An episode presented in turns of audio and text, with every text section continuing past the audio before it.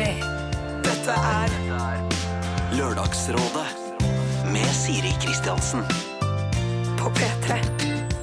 P3.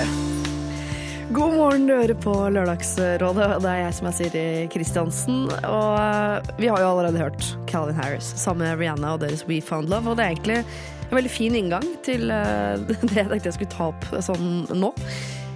Jeg må jo si at jeg unner de aller fleste det aller eh, meste. Og da mener jeg fine ting, og jeg mener også kjipe ting. Jeg tror jeg har sagt det flere ganger at jeg syns alle burde oppleve denne altoppslukende kjærligheten, f.eks. Den irrasjonelle som gjør at du tar helt duste valg og, og tråkker på venner og familie og gir helt komplett F i alt annet enn deg og han.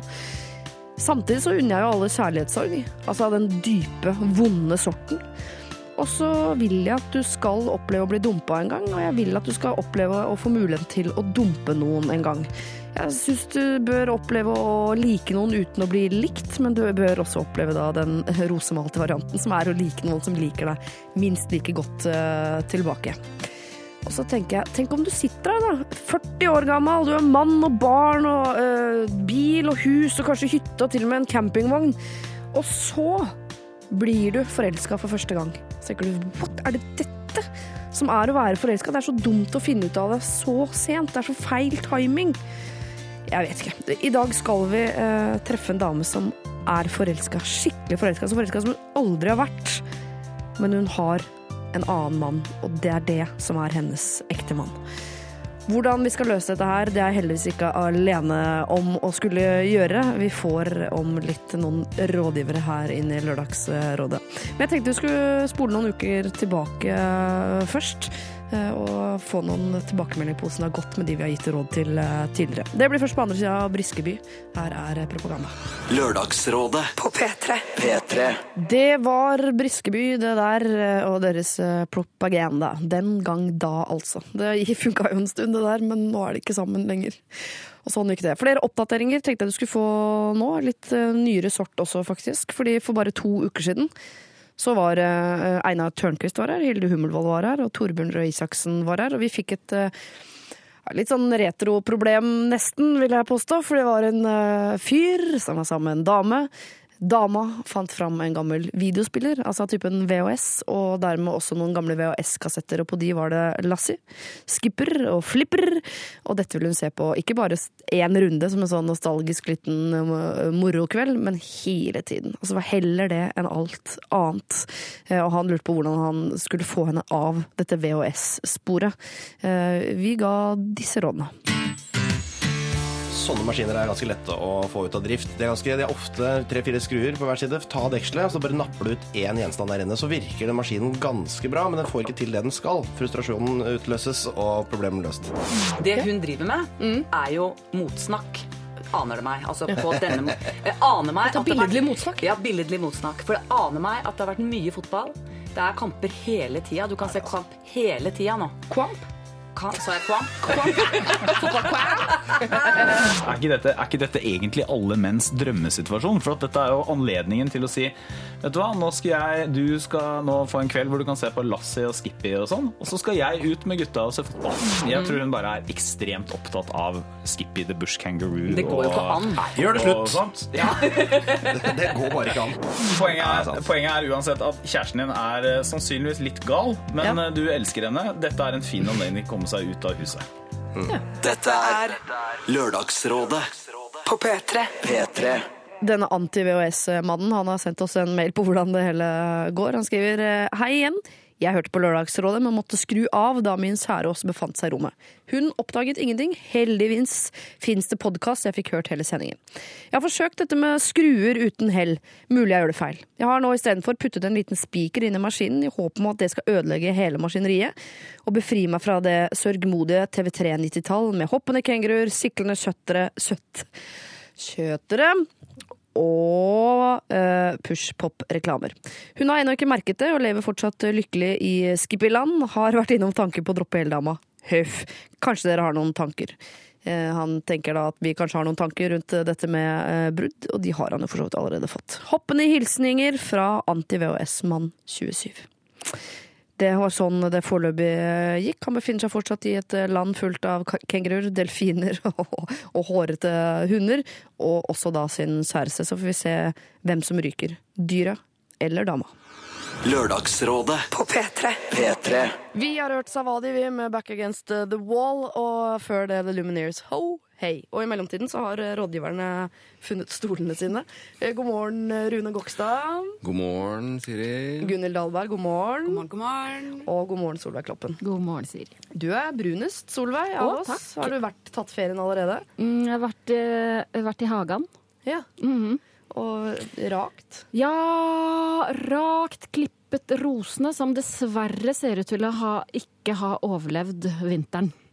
Nei, men sånn ser ikke blomster ut til å ha gjort rett etter vinteren, Nei. og så dukker de, ikke sant? så Så må ikke drepe de helt. Plutselig våkner de til live. Yep. Eh, Gunhild, vi har jo allerede snakket litt om ferie, men kan du ikke dele med resten av landet hva du skal bruke ferien din på?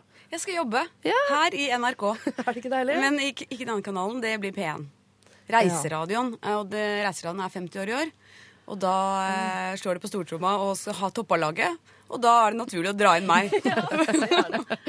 Men som programleder, eller skal du lage Jeg skal være reporter. Det er jo Ja. det jeg trives best om. Ja. Så det er mulig. Det, folk skal ikke bli overraska hvis jeg banker på døra deres og sier 'hallo, kan jeg komme inn og få en is', For, Ja, For du skal være Oslo-basert? Du skal ikke bli Nei, med jeg skal reise hele Norge rundt. Du skal, Yes. skal du om bord på Hurtigruta?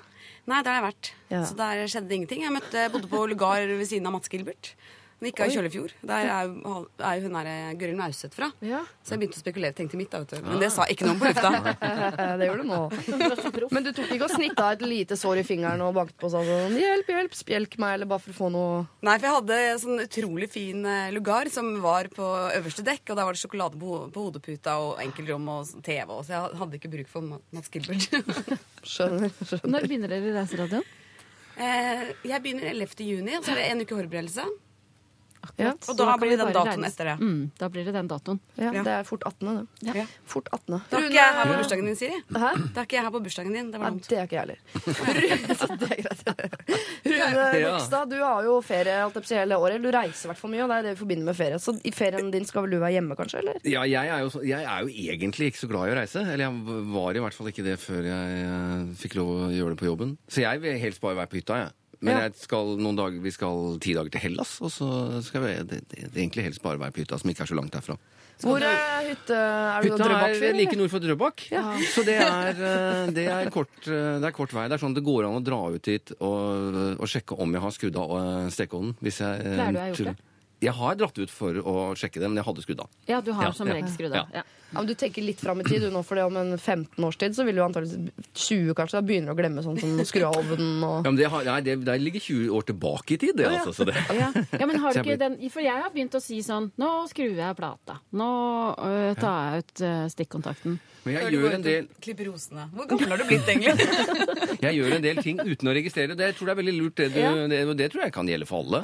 Det også, for jeg gjør en del ting som jeg ikke Altså, jeg legger fra meg nøklene, og så, men så registrerer jeg ikke hva jeg gjør. Nei. Og dermed så har jeg heller ikke noe sånn minne av det. Og heller, altså, jeg kan ikke gå stien tilbake fordi jeg ikke har registrert hva jeg har gjort. Men det lærte jeg i en eh, knakende god film for noen år siden som het Long Kiss Goodnight. Uh, jeg vet ikke om dere husker den. Jo, jo. Da skulle man synge det. Da husker jeg, jeg tror det var det Samuel L. Jackson som sa sånn, Ja. sånn I put the keys in my left pocket. At du skal synge 'Jeg klipper rosene i hekken'. Kan du bare synge verset om igjen, så veit du hva du har gjort. Tips, da. Først, dagens første råd. Dagens første råd. Vi tar en runde på sivil status. Man vet jo ikke hva som har skjedd siden sist, ikke sant? Eh, Solveig, Ja. Godt gift. godt gift, to barn. To barn. Mm, hus, hytte. Eh, ja, et naust på Vestlandet. Naust på Vestlandet. Eh, og der skal du antakeligvis tilbringe sommeren i år, da? Jepp. I Ja. pissregn. God tur. Takk. Gunhild Dahlberg. Jeg har samboer, jeg har eh, barn, jeg har sykkel, og jeg har en båt. Og så har vi også en bil. Oi! Har fått bil? Og leilighet. Du har fått, vi har fått, det har hatt det lenge. Jeg har- Christian har fått den av faren sin. Hva slags bil er det? Det, er en Opel. Aha. Som jeg kjører veldig sjelden, for jeg hater å kjøre bil. Jeg kjørte i går, da. Men det er det vi har. jeg ser for meg at du er ganske dårlig til å kjøre bil. Det stemmer. Ja. Jeg har ikke tatt lappen ennå. Nei, stemmer det. Nei, ikke Men- ta den heller. Nei. For meg, Heier ja. på deg. Ja, Ikke ikke- gjør det. ja, men- Vi trenger ikke flere nervevrak i trafikken.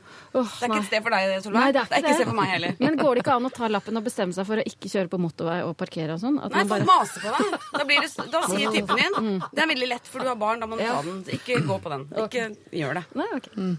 Rune Gokstad har lappen. Har lappen. Jeg er jo like gammel som dere tre til sammen, ikke sant? så jeg Mm. har jo, jeg har jo alt, jeg. Og, og, og to av alt også. Eh, I enkelte tilfeller. Ja, jeg, har, jeg er så heldig å ha to hytter. Jeg har arvet begge to. Da. Ja. Eh, og, og to arvet. Ja, altså, jeg Forskudd på arv, og min kone har Vi har kjøpt ut min kones Har du to eh, koner også, eller? Nei, jeg, nei, jeg har ikke det. Men jeg, eh, Og så har jeg to biler og en båt og en moped og et par du sykler. Som- og, så har jeg Øystein. Som fungerer som en Og så slags har jeg, jeg har en kone og to barn. Jeg bør kanskje nevne de før jeg nevner Øystein. Min eldste sønn er nå 20 og er, er i Vietnam, så det er, litt, det er en ny følelse for meg. Å skulle ha eh, første, førstefødte på en helt annen side av jorda. Hva gjør han der? Han er på ferie. Han har jobbet et år, og så reiser han rundt i seks uker sammen med en kompis. Så det blir spennende. Men det er nye ungdomsopprøret. Mm. Ja. Har- tenk, kjenner du at du kan senke skuldrene? Har det gått bra med han? Liksom? Kan Ja. du begynne å senke skuldrene? Og så er det noe med det, for jeg har tenkt litt på det. Jeg kan jo, vi kan jo ikke låse den inne i et rom resten av Jo, livet. Det er jo, jo jo, noen som gjør det, men, eh, men da havner du på forsida av VG. Ja, Eh, og veldig moderne. Det skal jo ikke dit. Eh, så, så han eh, Nei, det er måte å måtte slippe litt taket på. Ja. Men jeg ser for meg at sønnen din er nokså veloppdragen. For jeg husker du fortalte en gang at han har kalt meg dumming to ganger Ja. i sitt liv. Og jeg tenker jeg er en på tre. Han har gjort det 3000 ganger allerede. Så Det hører da med til historien at Første gangen han gjorde det, så visste han ikke hva han eh, ga seg inn på. Og andre gangen han kalte meg dumming, så var det nok for å sjekke om den reaksjonen han fikk første gangen, virkelig eh, var, var så kraftig, altså. Og det var den. Eller har jeg drømt? Ja. Oi, oi, oi. Og disse folka her kan du få råd av, men da må du si hva problemet ditt er. Og det gjør du da helst på mail, og vår adresse er lralfakrøll.nrk.no. Lørdagsrådet med Siri Kristiansen. På P3. P3. Det var Elefant og deres Down On Life vi hørte der. Men nå så skal vi hjelpe en voksen dame som er eh, gift, vært gift i mange år og har eh, tenåringsbarn. Med andre ord en situasjon som i hvert fall eh, Rune Gokstad kan kjenne seg igjen i, og Solveig Kloppen kan kjenne seg igjen i. Fordi jeg er gammel, voksen. Ja, fordi du er gift og har liksom pakka. Og Gunhild Dahlberg, du får bare sette deg så godt inn i det som overhodet mulig. Fordi- empatisk person, da. Ja, ikke sant? Det går veldig bra. Problemet nemlig er nå at hun har forelsket seg i en annen mann som hun møtte på byen. og Klina og prata, og det var helt fantastisk. Han bodde ikke i Norge på denne tiden, og han reiste rett etter denne kvelden. Så hun hadde bare den kvelden. Og uh, to år senere så tenkte hun fremdeles på han hele tiden. Og plutselig på byen en kveld så treffer hun han igjen tilfeldig og ble så satt ut at hun bare dro hjem og la seg. Og hun skriver jeg sendte han en tekstmelding og spurte om han kunne maile meg. Det gikk vel nesten et minutt før jeg fikk en utrolig hyggelig mail. Dette utviklet seg til et nesten eh, to år langt mailingsystem med teksting, mailing og chatting. Vi sendte hemmelige statusoppdateringer på Facebook hvor vi refererte til oss. Dere skjønner tegninga. Jeg var helt på trynet forelsket, og jeg mener at det var veldig gjengjeldt. Jeg hadde bestemt at jeg skulle skille meg da forholdet til mannen min i utgangspunktet var ok på det beste. Vi satte i gang prosessen, altså skilsmissen, men midt oppi det hele ble syk. Nå mister hun kontakten med flammen sin midt oppi denne sykdommen, og nå sitter vi her da i 2013, enda noen år senere, og hun skriver Hva gjør jeg med dette? Det er mange år siden vi møtte hverandre for første gang, men jeg føler like sterkt for ham nå som jeg gjorde da. Men mannen min og jeg er fortsatt eh, gift, og han har støttet meg gjennom et langt sykeleie, og jeg føler at jeg må være hos han. Jeg syns også det er vanskelig i forhold til barna, og det er jo hjemme min lojalitet ligger. Betyr det at jeg må gi slipp? Eller kjenner dere at det fremdeles er håp for oss? Og da mener hun da selvfølgelig henne og denne flammen som hun tenker på hele tiden. Masse klemmer fra en som ønsker å være anonym, men også en frustrert frue. Jeg tenker det første eh, hun må gjøre, er jo å rydde opp på hjemmebane. Det er, det er jo der eh, problemet ligger. Mm. Uh, når hun sier at uh, forholdet til mannen har vært OK på det beste, eh, så har de jo et problem. Ja. Og hun kan ikke bli hos han fordi han har støttet henne eh, gjennom sykdom. Nei. Man kan ikke bli fordi man har dårlig samvittighet, eller Men er ikke livet ofte OK på det beste? Kan man, er det ikke greit å ta til takke med det av og til? Tenker du det? Nei, jeg spør. Ja, godt spørsmål. Takk. takk.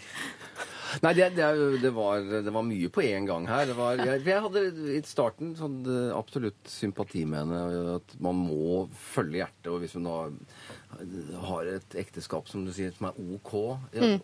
Det er jo mye som er OK. Jeg, OK er ganske bra, det, altså. Ja. Det kan være det. Eh, Det kommer fra tysk åne korrektur, at det er, nå, er alt, eh, nå er alt på stell her, egentlig.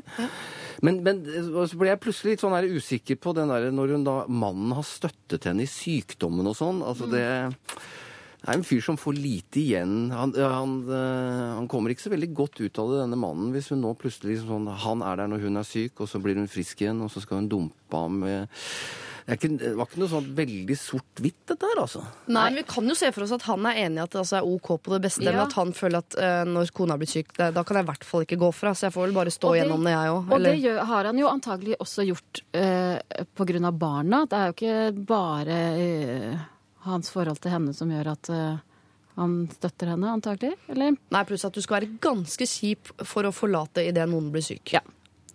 Ja. Ja. Jeg, jeg tenker at um, hvis de har det OK, det tenker jeg også er veldig bra å ha det OK.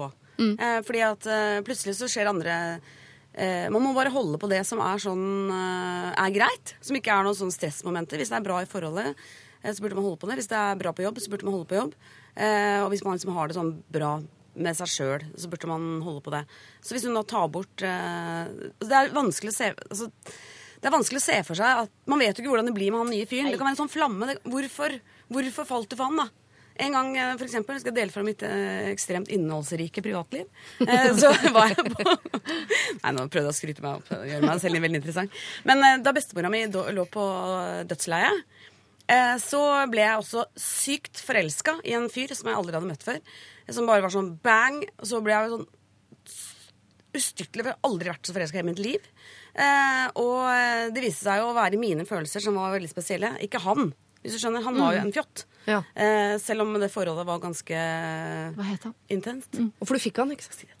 Eh, ja, altså Vi hadde jo et slags eh, dårlig forhold, men det er det jeg tenker at det, Du hadde, du nervene dine var Du hadde følelsene utenpå fordi bestemoren din var i ferd med å Ja. dø? Ja, det er det du sier. Og det er det jeg tenker at Mm. hun Hvis de har hatt et sånt SMS-skriveforhold, så Jeg skal ikke oppfordre til utroskap, men du burde i hvert fall møte han et par ganger og se om det er noe Altså, Hvordan er dette mennesket her i Ja, det er for altfor tynt grunnlag til å forlate mannen Det er en drøm, tenker jeg. Hvordan Ja. er det diktet 'Glem aldri henne du aldri møtte', som kanskje møter deg etter døden, bla, bla. Det handler nå om at du, du ser noe i noen andre som du ikke har hjemme, men se to ganger til på det du har hjemme, da. Nærest er du når du er borte. Nå Henger vi med? Borte når du er til. Mm. Vi kan eh, Her får vi tyske opprinnelsen av ord og dikt på rams. Vi er på det- P3, folkens. Det å forelskelse er jo, er jo egentlig ikke så veldig vanskelig. Eh, det, det, jeg kan jo kjenne på det. Også, litt om ikke sånn der dyp forelskelse, sånn der fascinasjon, så tenker jeg at han har vært mye morsommere og levd sammen med deg enn sammen med kona mi. Du virker da veldig mye morsommere og søtere. Du er mye blidere. Eh, Det er ikke noe har- problemer Nei, det er mellom ikke noe oss, problemer. ikke? Det er ikke noe, vi skal jo ikke hente noe, ikke sant, og vi skal jo ikke hente noe felles barn, og det er, ba, og det er sol ute, og det er godt og varmt, og det, det var en kveld på byen, ikke sant? Eh, men det virker jo ikke som de, eh, Hun har jo ikke levd, som du sier, Gunhild. Hun har jo ikke vært så mye sammen med denne fyren. Så dette her er, er, det er veldig, veldig basert på følelser og lite sånn realisme i det. Hun har, de, har ikke, de har ikke sittet i et busskur i pissregn og ventet på på Vestlandet. Som aldri vil Et Så- naust på Vestlandet med hans familie. Har Ja. ikke der. Nei. Nei, så spørsmålet er om, om hun skal, om hun skal liksom sånn kaste alt brak vrak på alt det hun har, eh, for å gå etter den ene følelsen som Nei, det kan hun ikke gjøre. Hun Men hun må sier at ekteskapet er Det er ikke det at det er OK, det er OK på det beste. Ja. Så det er, altså, det, det er den beste delen. Altså. Vi sier at det er fra OK og nedover. Og under OK, da begynner det å bli ugreit. Men vi vet jo ikke Ja. De fleste ekteskap vil jo innimellom altså etter hvert bli litt sånn, bevege seg i retning av OK, tenker jeg da. Men, bare vent, da. Men jeg får inntrykk av at jeg, jeg bare sitter med inntrykk av at hun har aldri vært liksom pangforelsket i ektemannen sin på samme måten som hun er i denne flammen hun har møtt. Altså, hun har møtt nå en mann som hun er mer forelsket i enn hun noensinne har vært i sin egen mann. Og, at, og jeg, jeg må jo si at jeg unner alle å oppleve den altoppslukende forelskelsen. Og det er aldri egentlig for seint, det. Det er bare at det står jo selvfølgelig sånn praktiske ting i veien, som eksempel denne mannen som har støttet denne sykdommen og disse barna. Og Men Jo, men, men jo. Ja. tenk å bli forelska for første gang som 50-åring. Skal man da si nei, men sorry, det toget det får ikke du lov til, for det toget har gått? Det er vanskelig. Men jeg tenker en sånn altoppslukende kjærlig forelskelse eh, som varer over tid, det gjør den bare hvis det er, eh, hvis det er trøbbel for... Hvis, er, hvis man føler at man ikke får vedkommende helt. Ja. Ellers så er man jo ikke altoppslukende forelska i mange år. Så til, på, på et eller annet tidspunkt så lander man jo, så har man det OK. Ikke Ja, det blir jo OK med den nye flammen også, men da får Ja. hun i hvert fall oppleve den altoppslukende først. Og hvis hun ikke Ja. har hatt den før hele sitt liv Ja. Gå tilbake til mannen sin. Gå tilbake til tacoen og sofakroken. ja. Ja, det, er litt, det, er jo, det er jo ikke så veldig sånn sosialt akseptert å, å si at syns du, Kan jeg få prøve dette alternativet et halvår? Ja. Eh, det er ikke så ofte du, du bor sammen med folk som aksepterer det. Kanskje man skulle lobbe litt for det, og så si at men ok, og så kan du godt få et halvår du også, hvis det er det. Men så, da, da kan vi finne ut av det. Det høres ut som eh, Det er jo lov å prøve å inngå den. eh, Ja, men fordi I verste fall så blir det slutt, og da kan hun likevel gjøre det hun hadde tenkt til. Men da må du være klar over at eh, altså, er det verdt det hvis, eh, hvis alternativet er at du da blir helt alene? Intense, intense følelser. Det er sjelden en god pekepinne. Det er en annen galskap som ligger bak. Jeg tror, ikke hun skal, jeg tror ikke hun skal gå fra mannen sin basert på denne kjærligheten til denne fyren. Nei. For det tror jeg det grunnlaget der er litt for, litt for spett. Men hun kan ta, analysere hvordan er livet mitt med denne mannen og barna. Er, er det dette her jeg vil? Og så må hun liksom gå fra ham fordi, fordi det ikke funker. Ja. Og det er, det er greit. Det er streit. Det er ingen som kan, må ikke føle seg at hun er bundet til masta fordi han har hjulpet henne gjennom sykdom og sånn. Altså, ting Enig. skjer jo, altså. Ja. Jeg er helt enig. Ja, jeg også tror de skal ta den samtalen, de to, og ikke bringe denne nye flammen uh, som et element på bordet foreløpig. Men det- For det kan godt hende at mannen din også tenker at han har lyst til at dette her skal gå mot slutten. Men han tør ikke han heller, for nå har det vært gjennom syk... At han tenker det samme som deg. Så det må bare gå i dialog på, uh, på det, og ikke være sammen pga. dårlig samvittighet eller at du føler deg forplikta eller eh, Du har hånda i været, Rune. Nei, jeg hadde, hadde- og Solveig, Jeg hadde en, faktisk. jeg hadde en, en kjæreste, og vi holdt sammen altfor lenge. Fordi eh, hun hadde separasjonsangst, og så turte hun ikke å slå opp med meg fordi jeg var- blitt dumpa før jeg traff henne. Så vi, så, så det var, eh, så vi, vi holdt, holdt på et år for lenge. Ja. Men de fleste som gjør det slutt, tenker jo etterpå sånn Det var et år for lenge. Eller to. Ja. Altså, det er stort sett et år for lenge i Ja. de fleste forhold. Ja. Kan jeg bare foreslå noe re- bitte litt revolusjonerende her? Ja. Fordi at Vi kan jo se for seg at han er mannen eh, som hun er gift med. Han kjenner jo henne kjempegodt. Vært gjennom sykdom og fødsler og husvask og regn i skur på Vestlandet, kanskje. Eh, og så kan de, eh, hvert fall hvis vi skal ha en liten prat hvordan skal vi, eh, skal vi prøve noen andre, da kan du invitere Flammen hjem. Sånn at de tre ikke skal ligge sammen, som dere kanskje trodde nå. Nei, men da kan mannen være med å evaluere. Er dette noe for deg? For, og, hun, og han kan fortelle henne han, eh, han som er gift med, kan fortelle den nye typen. Eh, hennes dårlige sider. Eh, og ditt og datt og sånn og sånn. Så kan vi få liksom Altså få bretta ut alt på en gang, da. Ja. Så si nei, dette passer ikke for meg. Nei, jeg vil ha det bra. Lykke til. Da fortsetter vi. Og tenk hvis mannen sier sånn Dette er en type for Ja, meg. det kan jeg si det. Han er jo fin, da. Han er flott, han fyren der. Han hadde jeg tatt. Som Liksom. eh, skiller Hvis seg ikke du vil melder ha, Ok. Eh, jeg tror Nei, Nei det syns jeg er et godt forslag. Ja. Det er, og det er kontroversielt, som du også sier selv. Jeg, jeg tror dere først og fremst skal gå i dialog, og så kan du jo foreslå, foreslå det. Om, kan vi bringe inn en tredjepart, og så kan du se om det er et bedre alternativ for, for oss, at jeg går for han, enn at vi går for hverandre. Og i verste fall, eh, etter et sånt forslag, så vil han si dra til helvete, og så får hun ta en tur til helvete, og så ringe han flammen derfra, eller et eller annet. Eh, lykke til. Vi vil vite hvordan, eh, hvordan det går. Da sender du oss en mail og forteller om det går bra eller om det går dårlig, og, og hvilke råd du brukte og hva du tenker. Da er det samme mailadresse lralfakrøll.nrk.no. Lørdagsrådet på P3. Matilda var det der When Something Ends, hørte du her i Lørdagsrådet. Og eh, dagens lørdagsråd består jo da av Gunhild Dahlberg, i dag antråkket eh, med caps. Jeg har hatt en hjemmeulykke. Har du? Det er veldig dårlig det. timing hvis det kommer noe sånn grusomt nå når jeg prøver å ha lett Hva, hva fortell? Jeg har fått gulrotfarga hår på toppen. Det er sikkert du er du veldig glad for, Siri. Kan vi få se? Ja, Kan vi det få se? Jeg ser ikke en gulrot, jeg. Nei, Jeg synes kjempegodt i sollys. Det er brunt. Gyllent og fint. Nei da. Er Du ser i sola eh, typen min på leseskokk. Han har egentlig nekta for at jeg skal gå med cap, men han så meg i sola og sa han, ja, det er greit. Det en cap. Vi går videre i sendinga. Rune Gokstad, du stiller som vanlig med eh, blank isse. Ja. Eh, og Solveig Kloppen En kraftig ettervekst, du. ja, Er det din er du, eh, Har du striper? Eller er det din naturlige. Blonde look? Eh, nei, det, det som kommer her, det er min naturlige, så det er sånn brunt-grått. Ja. Brunt-grått. Ja, det er farget. Ja, Alle er fine på håret i dag. Takk, i like måte. Eh, vi tar et uh, problem som dreier seg ikke om hår, men eh, jeg vil si det dreier seg om utseende. Jeg har et problem her. Kjæresten min har fått tilbud om å stille naken opp i et manneblad for en god slump penger. Dette har hun tenkt å si ja til, for vi trenger absolutt pengene. Likevel byr det meg imot at hun skal vise kropp til hele Norge. Jeg hater det faktisk. Hva skal jeg gjøre? Han må si eh, Eller han Det er lov til å binde folk fast. Den dagen de skal på fotoshoot, hvis det er nakenfoto. Da har man lov til å binde jeg tror det står i en paragraf et eller annet eh, i Grunnloven her, at eh, da kan du binde kjæresten din fast og nekte å gå ut. Ja. Det er greit. Ja. Kan du gjøre. Du, men, I et forhold så har man sånn veto at hvis det er noe du, du Ja, er så ukomfortabel med at kjæresten din skal, så har du lov til å på en måte eh, Jeg vil si at i et tau ligger det mye veto. Det er hvis du skal på nakenfoto. Ja, ja det var naken. Det var ikke lettkledd. Nakenfoto, ja. Hvordan får man de tilbudene? Altså, det er, hvordan får man de timene? Nei, tilbudene? Ja. Hvordan har kjæresten fått tilbud om å, å Kan være oppsøkende virksomhet også, fra henne. Ja. Det, jeg vet Ja. ikke. Eller Jeg har vel følelse av det. Ja. Det er helt tydelig at hun har lyst, og Ja. begge har lyst på pengene, men han vil ikke at eh, folk flest skal se henne naken. Nei. Det vil jo hun, da. Mm. Ja, det- da blir Han det gjør seg jo til en slags formynder, da. Over henne. Ja. Ja. Har man litt lov til det når man er har, sammen? jeg, jeg er litt usikker på det, Ja. rett og slett.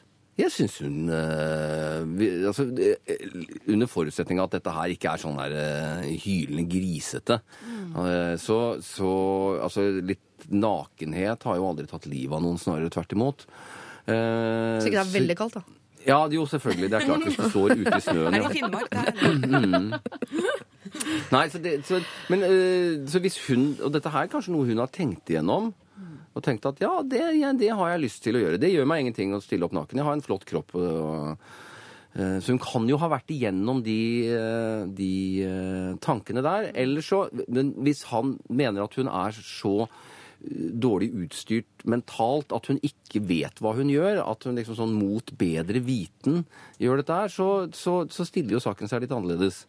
Men, men i utgangspunktet så virker det som hun, så lenge hun er over 18 og, og syns at det er greit. Men, og, og så er det litt den derre Han har kunne godt tenke seg penga, ja. Ja, ja. De vil ha. De vil ha. Jeg prøver å se for meg hva jeg hadde gjort hvis min mann Kjartan hadde fått det tilbudet. Um, men så klarer jeg ikke å se det for meg at han skulle få det tilbudet. Så jeg klarer ikke å sette meg inn i, i situasjonen. Jeg vil påstå at det er annerledes også, selv om jeg skulle ønske at det var helt likt, uansett hvilke, hvilken vei vi snudde på det. Men jeg, også, jeg, jeg, jeg vil synes det er mer problematisk eh, eh, om jeg skulle ha stilt opp naken foran norskfolk enn mannen min, faktisk. Ja. Jeg syns det er mer, jeg synes det er mer privat med naken damekropp enn mm. mannekropp. Men eh, vi kan jo se for oss at hun er kanskje 20, og ikke 40. Uh, Jeg tenker 20-aktig, jeg også. Ja. det er Ja. da kanskje man som oftest pleier å få de tilbudene, og det er vel kanskje det ofte det redaktørene vil ha på cover også. Eh, men eh, han kan jo, hvis han ikke har lyst til å binde henne fast og, og tjore henne i sånn Fritzel-style i en sånn Mm. en kjeller akkurat den dagen, så kanskje han kan printe ut eh, intervjuene med Lene Alexandra, Helene Rask, Mm. Aylar. Aylar. Eh, alle disse her eh, står jo fram ti år etterpå og angrer. Ja. Angrer, angrer, angrer, angrer, angrer. Det er jo blitt en egen sjanger i, eh, i Dagbladet og VG eh, med disse intervjuene. Så kan du printe det og, se, og lære litt av eh, eldre nakenmodeller. da.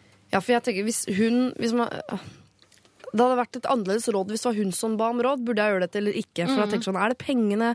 Er det akkurat nå du tenker at det er en god idé, men egentlig kommer du til å angre? Altså, Jeg har gått mer inn i en sånn foreldrerolle og sagt ja, nei, jeg syns du skal ta en runde til. Men det er jo ikke, hun har jo bestemt seg, så det kan vi på en måte ikke, og hun ber ikke om råd. så det kan vi på en måte ikke legge oss opp i, Men han ber om råd til hva Ja. han skal gjøre. i forhold til at, Og der, han har vel ikke så mye han skal ha Nei, han sagt? kan prøve å veilede henne, og, men han kan ikke nekte henne. Det føler jeg ikke nekte, men Hvis kjæresten min ville base opp, hadde jeg på en måte sperra henne inn i kjelleren akkurat den dagen. Ja. Så, Ja. Men det handler også om at dere har barn og Eller Men det er til hans Ja, eget beste, selv om han tenker sånn Ja, for jeg vil at du skal leve, men det er jo fordi du vil at han ikke skal dø. Men her får jeg mer inntrykk av det er ikke at han sliter jo ikke med at kvinner generelt stiller opp naken i blader. Det er det at det er dama hans, og det er hun er min, og ingen andre skal se på. Og Så bare Jeg Ja, for det er vel mer det enn mm. sånn generelt at han har tatt et standpunkt til nakenhet. I... Han er ikke feminist, Nei, han her, får jeg inntrykk av. nei. Men uh, en god prat med henne, og, uh, og en uh, liten prat med banken, kanskje. ja, ja. Si at vi har, vi har en liten eh, Ja.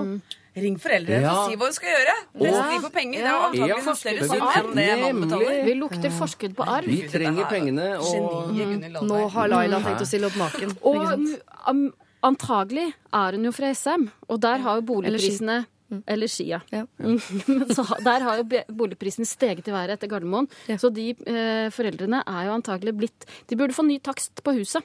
Så kan ja, de låne Foreldre, på huset. på, så kan de låne Pressa på huset. renta, så Ja. tapet, uh, Ja. For jeg tror ikke det dreier seg jo ikke som Hun, hun får jo ikke millioner, det er jo ikke Playboy, vil jeg anta, da. Eh, Så hun får jo ikke, Det er jo ikke millioner det er snakk om. Det er, det er snakk om et 3000. sånn femsifret beløp, kanskje maks.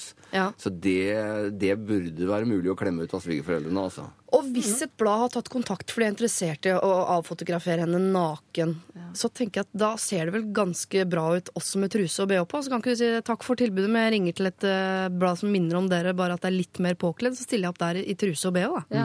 At de kan inngå et kompromiss. Ja. At ok, jeg blir ikke naken, bare litt. Jeg viser hud, men ikke alt. Ja. Dere må eh, dette, dette er et gjennomgående råd, egentlig, men dere må også snakke sammen, som folk flest. Eh, men her er det lov til å involvere hennes eh, og foreldre, bare for å, å på en måte, i hvert fall på økonomisida, og si at nå, nå vil førstefødte nå vil jeg være naken nå foran på, på et blad. Hva gjør vi med det? Så her er det lov, faktisk. Det er ikke så ofte jeg vil at man skal inkludere foreldre i en sånn forholdskrangel, men her syns jeg man kan ta en liten telefon hjem til eh, Jessheim. Lørdagsrådet På P3. P3 Mickey Eko Pull Me Down har vi eh, hørt, og vi skal nå over til dette uh, kysseproblemet. Eh, hei, hei, Lørdagsrådet. Jeg studerer i en middels stor by i Norge og har i to år flørtet og vært litt avstandsforelsket i en fyr som innimellom uh, kommer til byen for å feste. Vi har, hatt, uh, vi har det alltid veldig gøy sammen på fest, og flere ganger den siste tida har jeg lurt på hvorfor vi aldri har rota. Forrige helg smalt det derimot til da han fortalte meg at han har vært kjempeforelsket i meg også i to år, men at han ikke har turt å ta det noe videre. I løpet av kvelden kysset vi masse, og det var en kjempenedtur. Det var så mye væske involvert.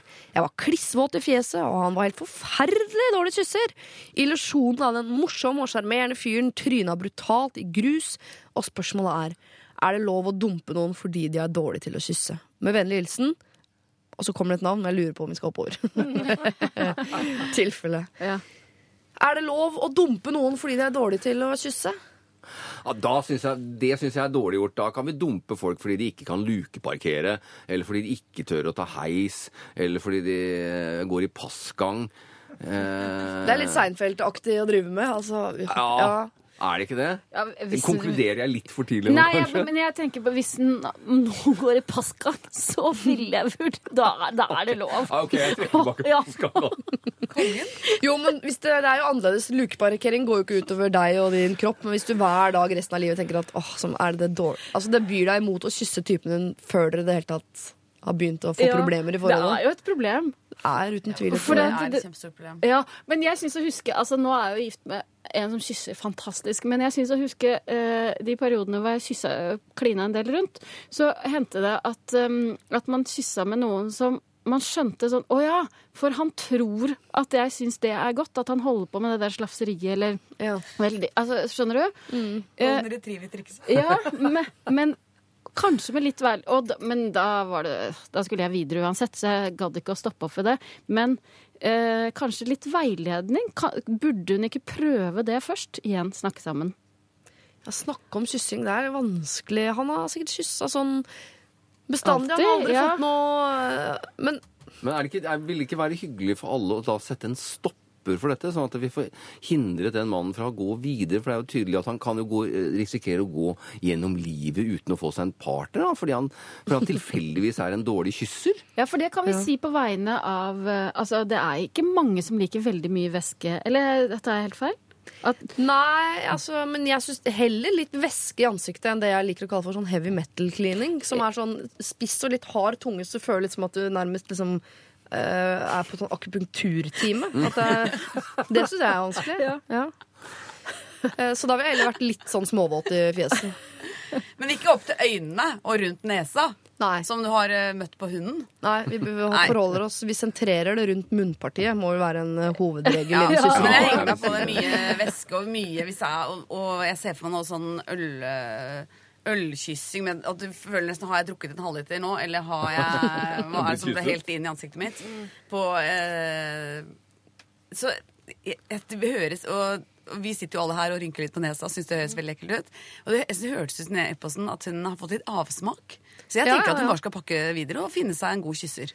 Men sier det da noe om at dette her kanskje ikke er mannen i ditt liv? Fordi jeg mener, Hvis du er virkelig, virkelig for alt er på plass bortsett fra kyssinga, så mener jeg da tar man en liten dugnad der. Om ikke for første kvelden, så på et eller annet tidspunkt tar man en syssedugnad. Ikke sant? Men hvis det er en fyr du liker, som du har likt han før og han etter, så er sånn, syssing er noe som kan vippe deg liksom av. Ja. Ja. ja.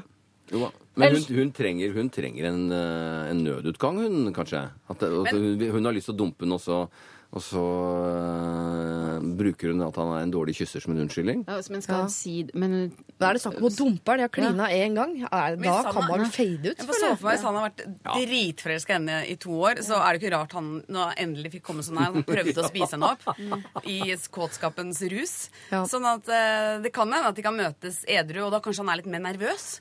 Og da kanskje de kan kline at det er litt kulere. Ja. Og hvis det da ikke funker Hadde ikke giddet tatt ham med kyss kyssekurs. Hadde, hadde ikke det, nei. nei. Mens du, Rune, mener at man egentlig kan Altså, man, Mener du at man kan droppe kyssinga? At man kan bare ligge Bare sammen? Bare Nei, ligge sammen? nei. Er det det du mener? Nei, men jeg syns jo at de kan, de kan Gorri. Nei, jeg syns ikke det. Eh, Men det de kan gjøre, og det, sånt, det har jeg forstått er, er et sånt eh, fra min sønn på 20, at hvis du har klint edru midt i uka, da, da er det noe mer. Og Ja. hun har jo bare hoia rundt med ham på fest. Eh, Så kan de ikke møtes og kline edru midt i uka. Ja. Og hvis han da, hvis det er mye slevjing og, og sånn golden retriever-takter eh, på en eh, torsdag ettermiddag, så må, vi, må man ta den praten, eller snu og gå en annen vei. Men jeg syns absolutt at, at, at man skal kysse. Altså. Jeg syns ikke du skal hvis gå de har gått ut og vært forelska i- gang, altså, og, og droppe kyssinga. Kanskje de kan se en film sammen først. En, film med mye kyssing. Sånn, eh, En så koselig film. Ja. Hvor det er Se, sånn, så flink han er til å kysse! kyssing. Nei, men se, det er jo ren deilig tørr instruksjonsfilm. kyssing. Ja. Jeg prøver å tenke film. Det eneste jeg kom på er Spiderman, der de kysser opp ned. Og det blir for dumt. Ja, det blir for dumt. Det er veldig ja. Men de har vært forelsket i hverandre i to år, og de har endelig kyssa. Jeg syns det er litt for tidlig da å slå kroken på døra. Ja. Altså. ja. Så en hverdags... Åssen det blir å ligge sammen, da? Herregud, det blir enda verre. Oi, gud. Jo, men hvor Der godt kan er det jo mye altså- væske involvert. Det ja, vet men vi det er jo bra, det, da. Ikke Ja, sant? ja, ja, For det er jo det motsatte der som blir vanskelig. Mm. Uh, jeg syns jeg hører at rådet her må bli klin på en hverdag. Gi det en sjanse til. Men hvis du egentlig merker at det, Ta en runde opp i hodet på Hvis det er noe annet, at dette her bare var på en måte det som gjorde at du eh, får en grunn til å gå videre. Altså er det lov å gå videre Altså Du må ikke dumpe noen fordi dere har klina en gang. Enig. Det er lov å fade ut til og med. synes jeg faktisk litt her. Men du, da jeg gikk i åttende klasse, så slo jeg opp med Kenneth fordi at han eh, smakte løk. Ja. Og det var helt lov i åttende klasse. Hvis de her er åttende klasse, niende, tiende opp til videregående, så er det helt greit å slå opp pga. det. Men eh, smakte av løk alltid, eller var det engangs Nei, eh, det var et par ganger. Vi var ikke sammen så lenge, da, for det slo opp. Klina du i åttende klasse? Ja. Hallo. Hvor er, du, hvor er du herfra igjen? Jessheim. Det Temasending Jessheim. sted, bare at uh, andre veien. Jeg klina første gang i 17. mai i 9. klasse, men da klina jeg med tre stykker. Du, jeg gikk rett på tre stykker sjøl i niende. Ja, ja. Fra null til tre på ti minutter. Egil Granli og en jeg ikke vet navnet på. Jeg kjørte, kjørte telt, ja, altså. Vi inviterte tre gutter inn i teltet og tok runden, rett og slett. For Når- jeg skulle virkelig. Sommeren til niende. Ja. Sommeren til niende. David Toska var han der. Nei, det var et annet telt litt tidligere. Bare tørrgnuking på soveposen. Men uh, glem det. Du, uh, lykke til, da. Uh, og jeg bare nevner Det er dårlig å nevne det nå rett opp mot låta, men det kan jo hende at det er du som er dårlig til å kysse. Dette er Lørdagsrådet På P3. P3. Swedish House Mafia og denne Don't You Worry Child, som er en låt det er helt umulig å la være å synge med på. Jeg gjør det fortsatt, i hvert fall i bil. Lørdagsrådet i dag er eh, Solveig Kloppen, Gunhild Dahlberg og Rune Gokstad. Og vi skal over til en eh, mor-datter-forhold, som jo av forskere påstås å være det aller vanskeligste forholdet som fins. ja. Eh, fordi det er, det er for nært. Det, blir, det er for nært for folk. Man orker det ikke på sikt. Kjære Lørdagsrådet. Jeg er ei jente på 20 år som trenger hjelp angående min mor, som fortsatt trumfer gjennom beslutninger, til tross for at jeg snart er 21 år gammel. På videregående droppet jeg å dra på utveksling fordi mamma syntes det var unødvendig. Etter videregående tok jeg et årsstudium istedenfor friår, fordi mamma syns friår er for late. Etter dette begynte jeg på en tørr utdanning, fordi mamma overbeviste meg om at dette var det beste. Jeg bor ikke så langt unna hjemstedet mitt og blir hyppig kalt hjem for å passe bikkjer, passe søsken, kjøre til sportsarrangementer og lignende. Og det er for så vidt helt greit, bortsett fra at eh, det jeg, gjør, det jeg gjør, blir ikke verdsatt i det hele tatt. Det blir tatt som en selvfølge at jeg skal gjøre dette, og ikke forvente verken ros eller takk. I tillegg blir jeg kalt tjukk. Er normalvektig, altså sier hun selv.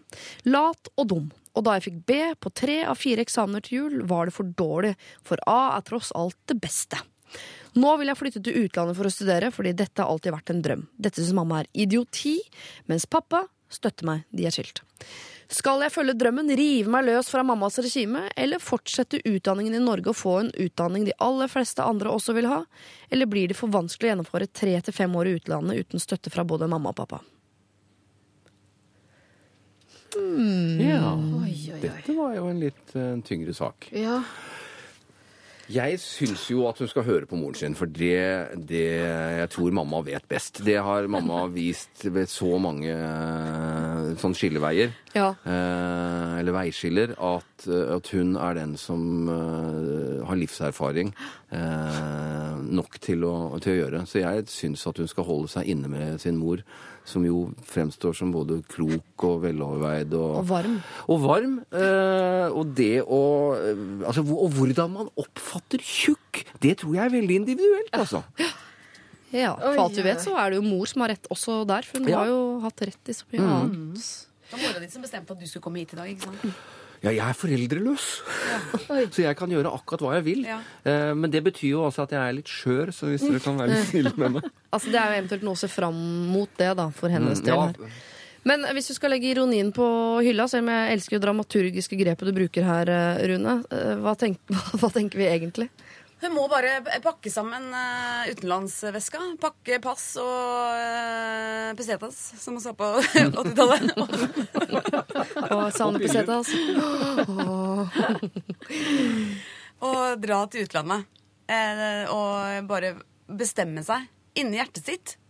Søke skoler, komme inn og dra og høre på faren sin. Bare løsrive seg fra mora. Hun moren høres jo ut som hun eh, i eh, Kongsvik eh, Videregående. Kongsvik videregående. Hun uh, terrorhorrormoren der. Ja. Det er jo henne. Ja, det, og det fins jo en del av disse mødrene, men hvorfor Da har hun jo vært Man kan kalle det litt underkuet da i mange år. Hvorfor, og da skjønner jeg jo at det er vanskelig å gjøre noe som går imot, imot det mor har sagt, for du har alltid gjort som moren din sier. Men hvorfor er det fortsatt viktig når du er liksom 21? Skal man ikke ha vært gjennom løsrivelsen? Og... Jo, men det høres jo ut som denne uh, vår venninne på 20 år aldri da har fått anerkjennelse fra moren sin, og da kommer jo til å streve med det resten av livet, dessverre. Dette kommer jo hun til å snakke med psykologene om til hun dør. Det høres heller ikke, ut, heller ikke ut som han har hatt det opprøret med mora si, som de fleste jenter har, i 14-årsalderen. Hvor man er, blir forvandler seg for å være den søte datteren til eh, Slobodan Klikovic. Eh, med, sånne hormoner som gjør at du går opp og ned trappa og skriker, skriker, skriker, skriker slår med dører. Altså, det er en del av oppveksten, det er en del av sånn, trassalderen til jenter, er det ikke det? Jo. Eh, så det må man bare ha på et eller annet tidspunkt. Om det kommer i 20-åra for at det blir lagt lokk på 14-åra. Ja. Du må bare ta det. Det er bare en greie. I, sånne bøker sånn hvor det står, så kan mora lese sånne bøker som man får fra helsestasjonen. Men også, hun virker jo veldig pliktoppfyllende. Altså, uh, Jente 20 her uh, virker veldig pliktoppfyllende. Og kanskje hun- at det kan hjelpe hvis hun ser på det som en slags At hun er grei mot småsøsknene sine hvis hun gjør dette. At hun baner vei Ja. for at småsøsknene også skal få uh, puste normal oksygen. hvis du skjønner, Uten at mor står og kontrollerer. Så kanskje ja, Hvis hun trenger en sånn puff i rumpa for at det skal være greit å gjøre noe mamma ikke har sagt, så kan det jo være Ja, fordi det er jo, hun skal jo, det må jo ta et oppgjør med sin mor som hun har, som hun har fulgt rådene til. Eller, som, det virker jo som moren lever livet sitt gjennom henne, Ja. og at uh, datteren lever livet til moren. Mm. si sånn. Hun må si til sin mor at 'jeg er ikke født for å leve opp til dine forventninger'. Det er ikke min, det er ikke min oppgave her i livet. Åh, Det er en setning du har tygd litt Den på. Mm. har jeg ikke tygd på selv. Nei. Men, det var også godt for Tusen takk på vegne av forfatteren. Okay. Kan hun snakke litt mer med pappaen sin? For han, han virker jo som han har tatt denne løsrivelsen fra denne moren, eller det som da var eh, kona, da. Eh, og spørre, for han støtter jo. Han kan be om noe mer, for Hun syns det virker vanskelig å dra til utlandet i tre til fem år uten støtte fra begge, men i veldig mange tilfeller så får man bare støtte fra én. Men hun kommer jo aldri til å få noe særlig støtte fra sin mor, uansett hvilke valg eh, moren gjør. fordi hun, hun, hun, hun innfrir jo ikke forventningene hennes. Altså, eh, B, er ikke det en bra karakter, da? Eh, Jo. Ja, det er jo ikke, det er jo ikke gærent. Ja, det, A er bedre, selvfølgelig er det det. Men, men, men B er det et absolutt et, et godt resultat. Så hun kommer jo aldri til å, å, å nå opp til morens krav. Så det blir jo dilte i, i, i skjørtene på henne hvis hun ikke gjør noe. Ja, for støtte får hun ikke uansett Nei. om hun blir hjemme, for der får hun høre at hun er tjukk, lat og dum. Ja. Men Det er jo ikke støtte. Det kan hende at mora har kommet inn i en slags loop hvor hun ikke ser seg sjøl. Det er jo veldig fort gjort som menneske å havne i en sånn loop. At hun Enten må hun ta sånn glass rødvinskveld med mora si hvor de liksom snakker ut. Ja. Eller så kan hun skrike. Eh, de tinga. Som hvis hun sender en e-posten her til mora si, eksempel, eller bare setter sånn 'Det fikk jeg ikke gjort, det fikk jeg ikke gjort, det fikk jeg ikke gjort', fordi du mente sånn og sånn. Kanskje mora ikke er helt klar over at det er hennes mors eh, angst som bare snakker hele tida. Ja, Kanskje hun får sånn Å, herregud, er jeg sånn? Akkurat som min mor var. Var Ja. sånn jeg ikke skulle bli. ja. Kan jo hende.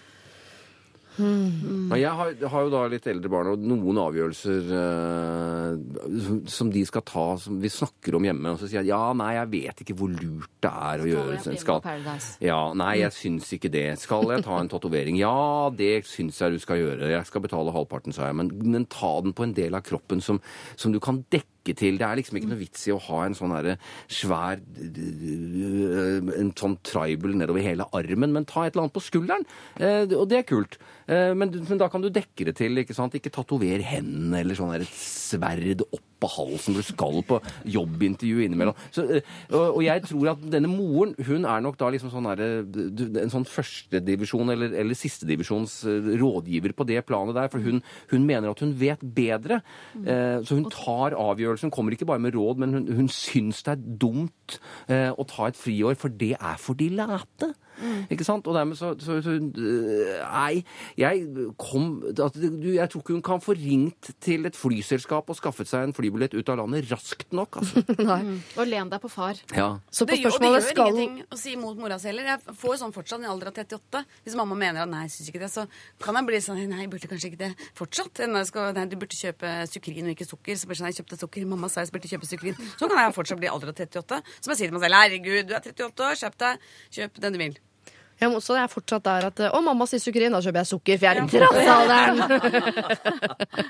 Det er også en annen side som er litt dum, da. Men jeg har en mor som sier sånn Du var den flotteste, Solveig. Nei, jeg, nei, jeg var ikke det i går, mamma.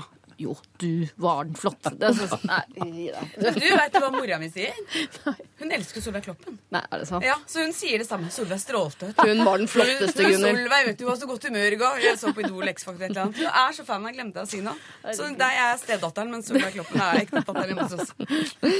Så på spørsmålet, på spørsmålet her skal jeg følge drømmen, rive meg løs fra mammas regime, eh, eller fortsette utdanningen i Norge, er vel svaret. Du skal følge drømmen, rive deg løs fra mammas eh, regime. Og så syns jeg du skal snakke mer med faren din, for han eh, virker som en klok fyr. Han har fått til det du eh, skal klare nå, nemlig å løsrive deg fra hun eh, dama. Lykke til. Dette er Lørdagsrådet På P3. P3. From Grace og Thomas Dybdahl hørte vi, og jeg håper jo at vi snart får høre mer av Thomas Dybdahl, og ifølge rykter så gjør man jo det, ikke sant.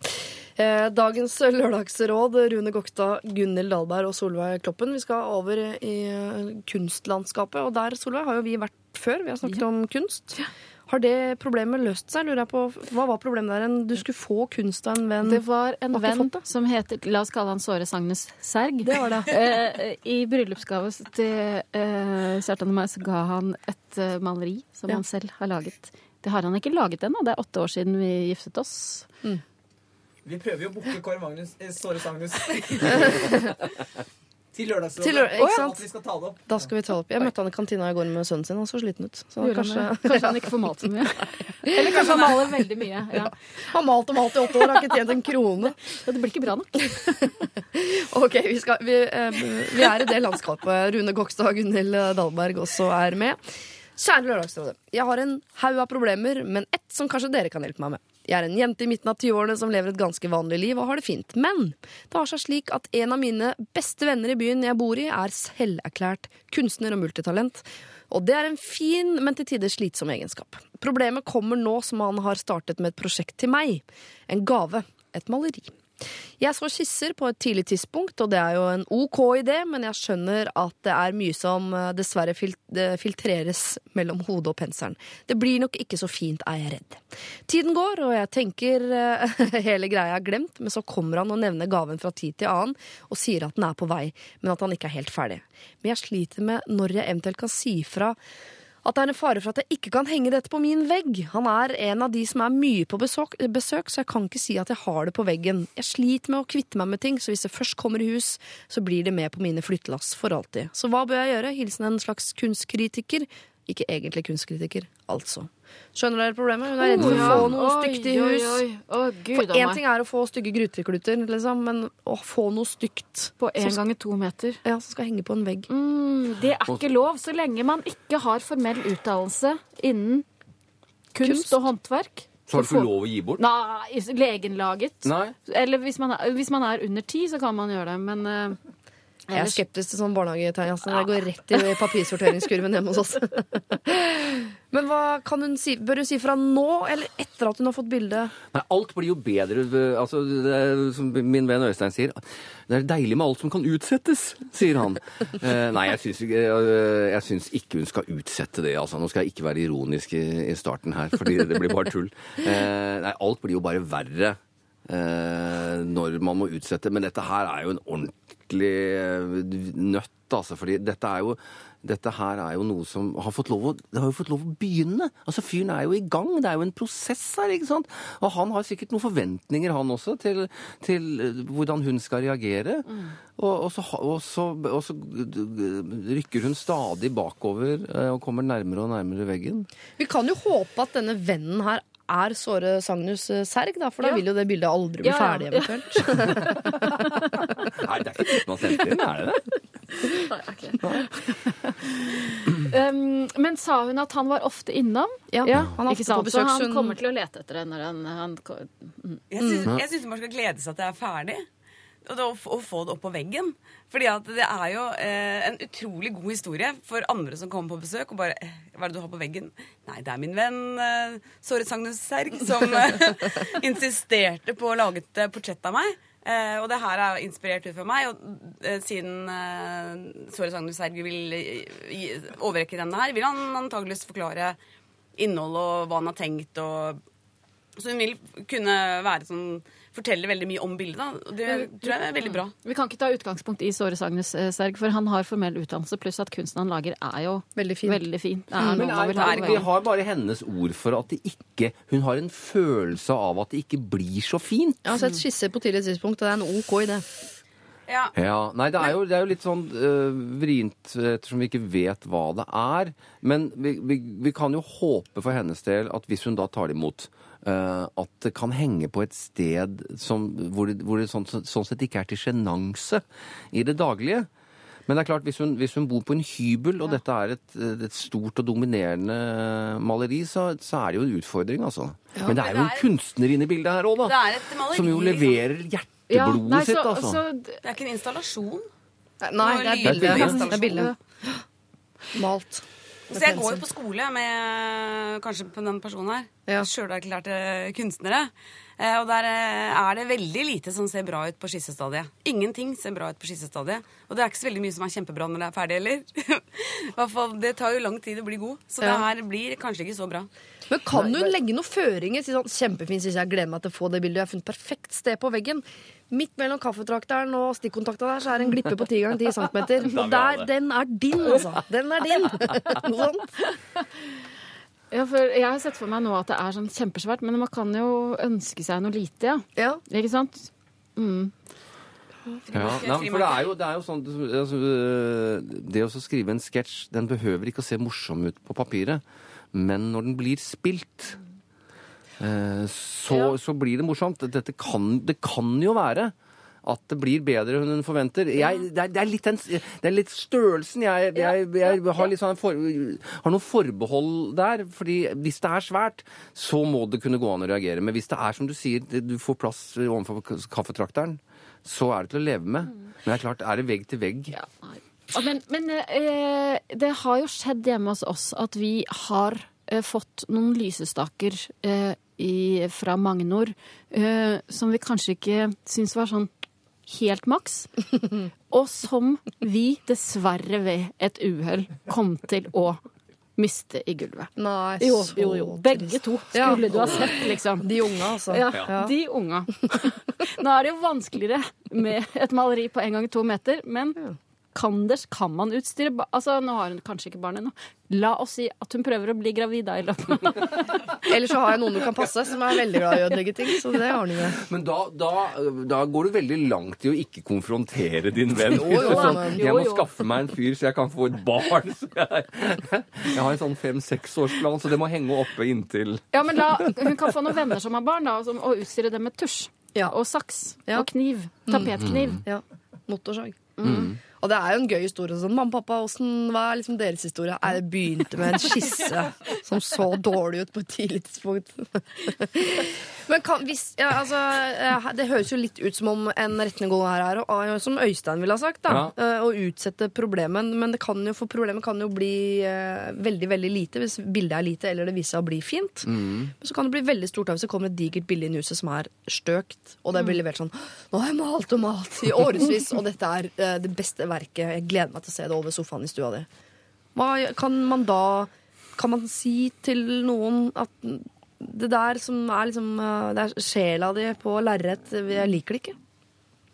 Nei, det kan man ikke si. Nei. Nei, det kan man jo ikke si. Nei, det- hvis noen har malt dårlig bilde av kongen, så er det hovedoppslag. Ja, man må kanskje Som kunstner må man vel tåle kunstkritikere, akkurat som øh, øh, folk på TV må tåle Altså Hva Ja. heter det? Eh, Rapporter? Evalueringer? Hva heter det? kritikk. Kritikk, ja. Ja, ja, ja, ja, ja, ja. Det kan hende at hvis hun bare kritiserer det bildet, så vil han tenke du har ikke peiling, så det gjør ingenting. Jeg tenker at hun må, nå må gå inn på et tidlig tidspunkt, se på skissene en gang til og si Vet du hva, det ser kjempe Det, det syns det ser fint ut, men jeg har bare sett meg rundt uh, på hybelen min, og det er ikke plass til et maleri på en gang to meter. Men som du sa, mellom vasken og, og kaffetrakteren, der er det Glippe. glippe på ti ti ganger ti centimeter. Hva om du Ja. Skalerer det ned. Ja. Ja, Den beste kunsten kan jo uttrykkes. Kan man bruke noen sånne altså, Ja, som se på ikke Mona Lisa. Mona Lisa er jo ikke et veldig stort bilde. Det er mye mindre enn hva folk Den beste parfymen kommer på de minste flaskene. Ikke Ja, den beste kunsten får plass på et frimerke. Kan late som det er noe som har blitt sagt av en eller annen viktig fyr en gang. ikke Mm. sant? Ja. Eh, eh, du må legge noen føringer allerede nå. For hvis først du får et stort bilde i huset, og han har lagt sjela seg i det, så er det på grensen til slemt å ikke like det. Da har du et større problem enn du har i dag. da. Så det er nå du kan gjøre et stort problem lite, og da mener vi i fysisk størrelse, faktisk. Så her er du nødt til å gå inn med, med noen føringer allerede. Og er det lov å si til alle hobbykunstnere der ute, det er flott at dere holder på, men eh, sjekk med, med den dere skal i selskap til, da, før Eller Sjekk markedet. med, sjekk markedet, ja. Ja. Før dere setter i gang med de store prosjektene deres. Ja. Får du ikke solgt noe, så er det heller ingen som vil ha gratis. Kan vi ikke si det sånn? P3 Lørdagsrådet. på P3. Thrift Shop var eh, det du hørte der. Og vi skal eh, en liten tur tilbake til Jessheim, vil jeg tro. Vi har jo vært der allerede, alle sammen. Solveig Kloppen, Rune Gokstad, Gunhild Dahlberg og jeg selv. Var jo der litt eh, tidligere i sendingen i dag, da det var snakk om å stille opp naken i et manneblad. Her er det en som lurer på. Er det OK å ta silikon i 2013? Jeg har aldri vært plaget med dårlig selvtillit pga. brystene, men de er litt ujevne og små. Har tenkt litt på å forstørre de noe, typ 100-150 gram, slik at de blir litt penere i formen, da. Men er det sosialt akseptert blant mine aldersmessige likemenn, mon tro? Likemenn. Eh, Det er er ikke en, det er en dame. Eh, og hun skriver ingenting om alder, så det er litt vanskelig å vite hvem som er hennes aldersmessige likemenn. Men la oss ta en sånn generell eh, altså, Silikon 2013, stikkord. OK? Spørsmålstegn. Jeg trodde spørsmålet nå var mer eh, Er det ok å ikke ta silikon i 2013? Ja. Er det så vanlig? vanlig? Ja, er det ikke det? Er det? Jeg Ja, det, er det det? Ja, jeg tror Jeg det er bor liksom ikke i Silicon Valley, så det, det her er eh, Jeg gjør egentlig ikke heller, men jeg Rent, jeg trodde rent, altså, at det ikke var silikon lenger, men at det var mye annet. At man fylte inn saltvann, salt. At det er mye sånn. Ja. Det brukes altså, det er, kanskje eh, silikon fortsatt. Saltvann. Skal jeg ta saltvann? Skal jeg fylle de med bamsemums, kanskje? Det er materialet du Ikke frist kritiserer. meg. ja, hva får dere inntrykk av? Lurer hun på selve materialet silikon, om det er ut, eller om det er ut og forstørre brystene? Jeg føler at eh, hun spør om det er ut og forstørre brystene. Okay. ja. Da tar vi den diskusjonen. Ja. Ja, det er ut og forstørre brystene. Det er veldig sånn 2000, føler jeg. Og forstørre brystene, ja. Ja. Jeg gjorde det i hvert fall da. Du gjorde da det, da. Du ligger alltid i front. Jeg står foran hver gang. Men har du tatt det ut igjen, da? For det har også vært en Se- farsott. Du ser, ser vel det at de har tatt det ut. Nei, men eh, jeg, jeg, jeg syns jo at eller, mye av eh, Eller jeg kan se noen sånne bilder av damer som har satt inn silikonpupper. Victoria Ja Beckham og sånn. Oh, ja, ja. Ja. det er det andre steder hvor, eh, hvor det også er mulig å se. Men, men, de, men er, jeg syns det er så mye dårlig håndverk. Altså, du, du får liksom to sånne derre- Sånne hveteboller Pupper ser jo ikke sånn ut. Nei. De Men det gjør det hvis du klemmer fordi... dem sammen, gjør du ikke det? Og så Ja. løfter dem opp, da kan de se sånn ut. Men når de henger fritt, så, så, så skal de jo ikke, skal de jo ikke liksom sånn plutselig bare bule ut fra brystkassa. Eh, så jeg tenker på at det er sånn derre Hvis du skal gjøre det, må du i hvert fall prøve å finne den flinkeste på Jessheim. Ja. Eh, Ja. For det tror jeg Doktor- vinner mye på, Doktor altså. Er det? Men men dessverre Ja, så tror jeg det er mange, hvis man skal snakke om hennes aldersmessige likemenn altså jeg tror, La oss si at det er eh, en 18-åring. Jeg tror Ja. det er en del gutter på 18 år som tror at det er akkurat sånn puppene ser ut. Det skal Ja. stå rett ut fra kassa, også i fritt, uh, fritt spillerom. Men ja, jeg har tatt på et par Ja. silikonpupper. Ja. Ja, men det var en venninne av meg som fikk satt inn det. Men det er lenge siden. altså. Det tror jeg er 15 år siden. eller et eller annet sånt. Og de, jeg husker at jeg fikk, jeg fikk lov å ta på dem da. Det var litt sånn trykke på med fingeren, altså ikke så veldig mye mer. For det var et middagsselskap. Men, men, eh, men, det, og det, men de var ganske harde. Jo, men der tror jeg vi har kommet videre, skjønner. For før Ah, ja. var det som å fylle sement i brystkassa. Men nå tror jeg vi er mer Jeg tror det har beveget seg en, i en mer naturlig look. Både utseendemessig og uh, altså, Det jævlig bra, følelsesmessig. Det ser veldig bra ut. Det ser ikke ut som du har operert inn en to halve grepfrukt. Eller en halv Det er, jeg tror det er veldig få sånn Tori Spelling-ulykker Ja. eh, nå. Hvis bruker bare for å bruke enda flere sånne gamle referanser. Så da er det vel mer opp på Jeg vet ikke om det er moral eller etikk, eller om det er eh, altså, Men hun, har, hun, er jo ikke, hun sier jo at hun ikke er plaga med dårlig selvtillit. At hun bare eventuelt gjør det for å få Litt Ujevn ujevne og små. Kan ikke gå til det i Japan istedenfor? alle Pengene koster kanskje 15 000-20 000. ja, Mye altså, morsommere. Ja. Få en eh, kul opplevelse. Og der vil hun kanskje med- kanskje med sånn fremstå som en som har store pupper, mener du? Ja, Ja. det også. Nå, jeg, jeg tenkte egentlig at man, hvis man har 20 000, eller hva det nå koster, til overs, så ville jeg kanskje heller dratt til Japan. For eksempel. En, eh, Eller så kan du jo spare de, sette de For at hvis hun er 20 nå, så kanskje hun blir 40. 60, kanskje hun har lyst på en Ja, øyeoperasjon. Eller eller. For jeg sto på badet med min sønn eh, for noen år siden, eh, rett etter at jeg hadde slutta å amme minstemann. Og da så Albert på puppene mine og sa Oi! Har puppene dine dødd? Applaus til alle det er gøy. Mm, det har de jo. Ja, ja, det, Så det, det, men det tenker jeg kanskje, ja, Hvis det er OK å ta silikon i 2013, kanskje jeg burde vurdere det. Ja, kanskje det er at vi skal snu, snu speilet. Jo, men det, for det tenker jeg er litt sånn kjedelig å komme med litt sånn Å, det er sånn som mamma og pappa sier, men eh, altså, kroppen din skal gjennom noen heidundrende forandringer antageligvis om litt. Det er mye deiligere å, hvis du først skal gjøre noen inngrep, sånn, gjør det på andre sida. Hvis ikke så vil det føles så utrolig bortkasta. Altså, jeg, jeg Ta kjenner dette tipset fra tre mødre. ja. i studio. Men jeg sender veldig mange som er på andre siden av, av, føding, som nå har bare fått puppa opp og magen inn, og som virkelig liksom har lagt seg på slaktebenken og, og fiffa og fjonga seg. Og da vet jeg at da er det herfra Det forfallet som eventuelt måtte oppstå nå, det får jeg skylde på og, eh, bakeren og hjørnesofaen. Men det der forfallet du skal gjennom når du eh, føder, det er, på, det, er ikke noe du kan styre. Da, og da føler man at de der eh, 15 000 er liksom kasta ut av vinduet. Ja, ja. Da syns jeg heller man skal ta seg en tur til Japan. Mm. Eller spare dem, da. Spare dem. Ja. Ikke gjør det. Og så er det noe med det å det, Disse materialene blir vel også tryggere og sikrere etter hvert. De første som la inn silikonpupper, det var lekkasje og alt mulig sånn. Kunne ikke fly. og- Nei, det var, det var mye greier. Nei, ta altså ha de der puppene, om de er litt små og skeive, så Gjør ikke noe, det er bare fint, det. Ja.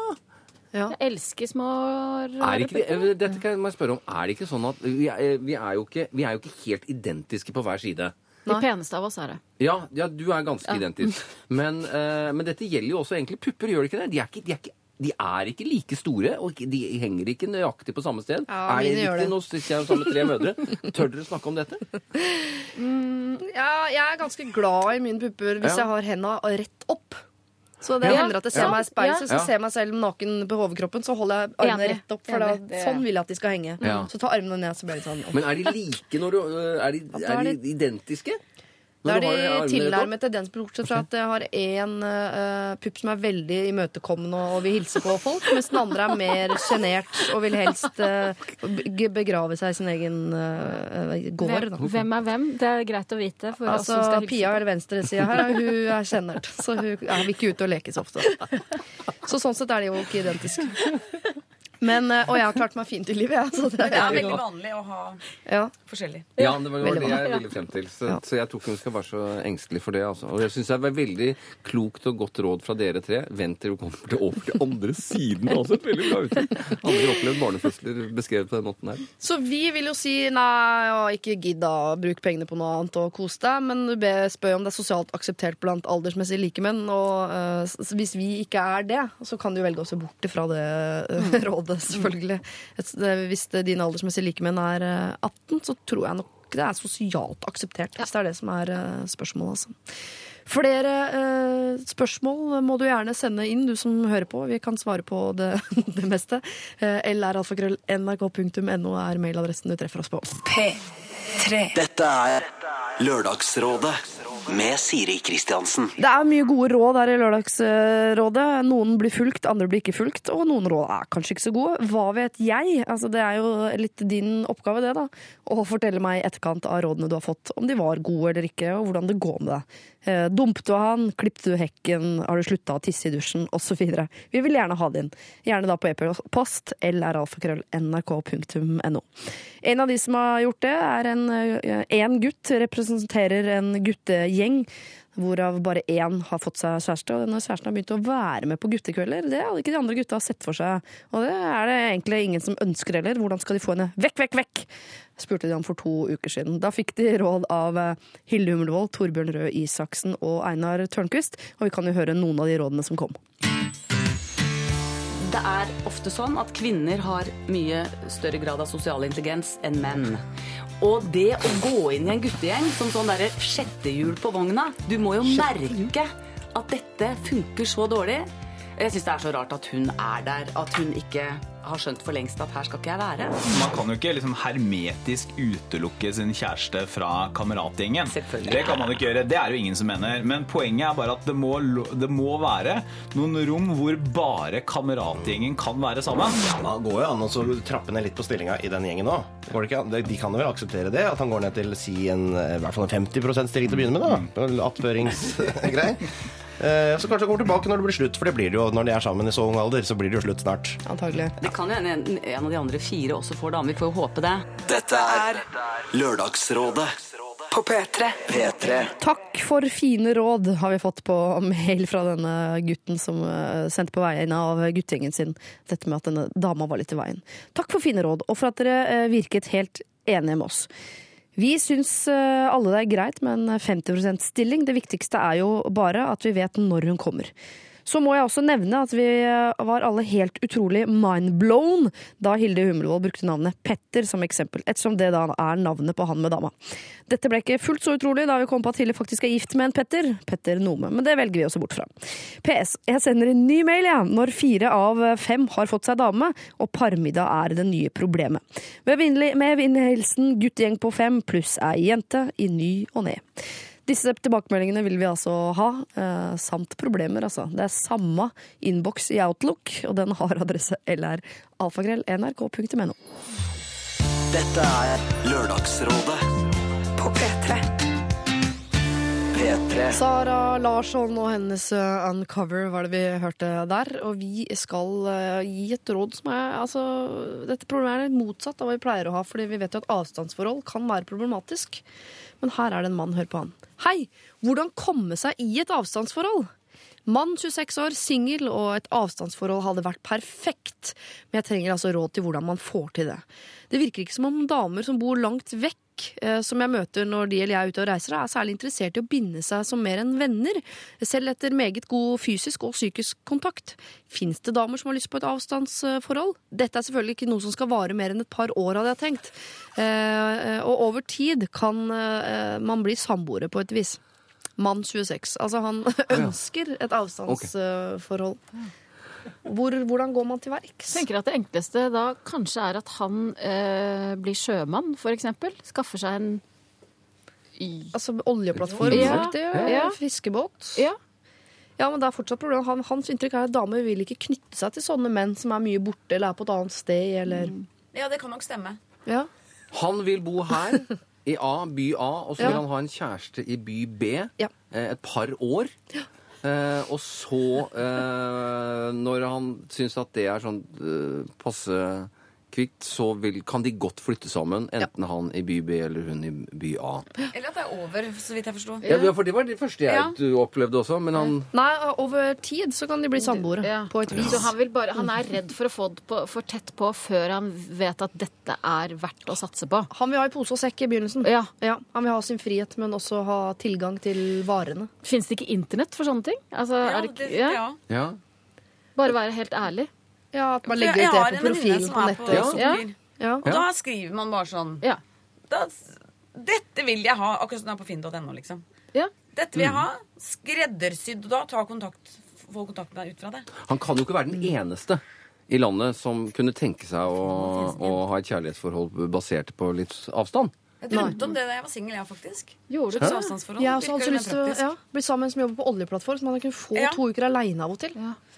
Men da har du fire, uker, du- fire uker sammen nå, da. Ja, det er tett, Ja, det er sant. Det er sant. Men det å reise, altså dra, være litt sånn avstandsforelsket, som man mm. Ja, liker, ja. det er kanskje ikke riktig bruk av det uttrykket, men å, men å sette seg på fly eller tog og reise, og så møtes man, og så har man liksom sånn disse Det intense fint. Så kan man dra tilbake. Jo, jeg, det, jeg syns han er kravstor, men jeg, har jo, jeg skjønner jo fyren òg.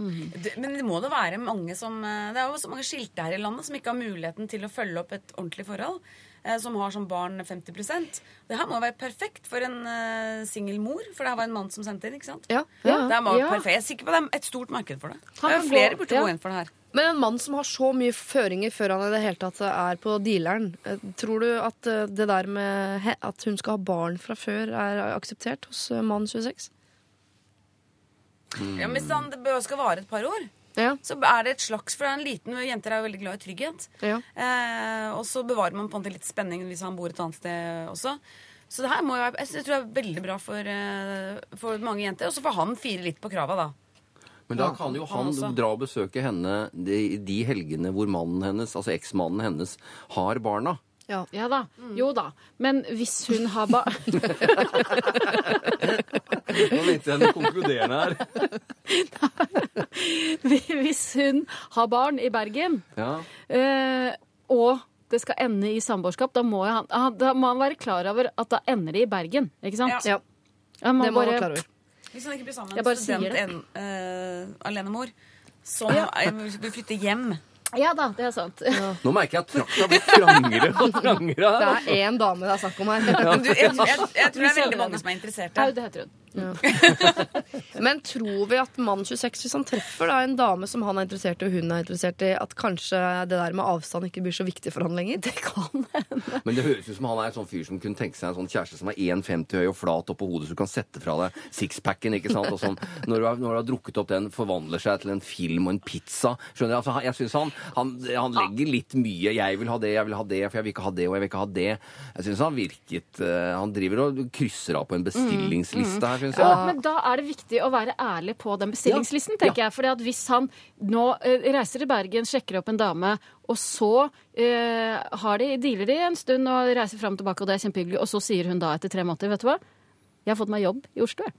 Nå kommer jeg, og han sier hæ? Ikke sant? Da mm, Ja, men hvis det først er eh, sånn at man har en best Det er veldig lett å sette med en sånn type bestillingsliste når man er singel. Det er jo det man ofte driver med, egentlig, å lage disse listene, i hvert fall mentalt. Eh, så tenker jeg at hvis man skal være ærlig på den lista, så er absolutt internett eh, veien å gå. For den lista må du ikke ta med deg ut på byen og på en måte lese høyt fra i baren, og, for det blir bare usmakelig.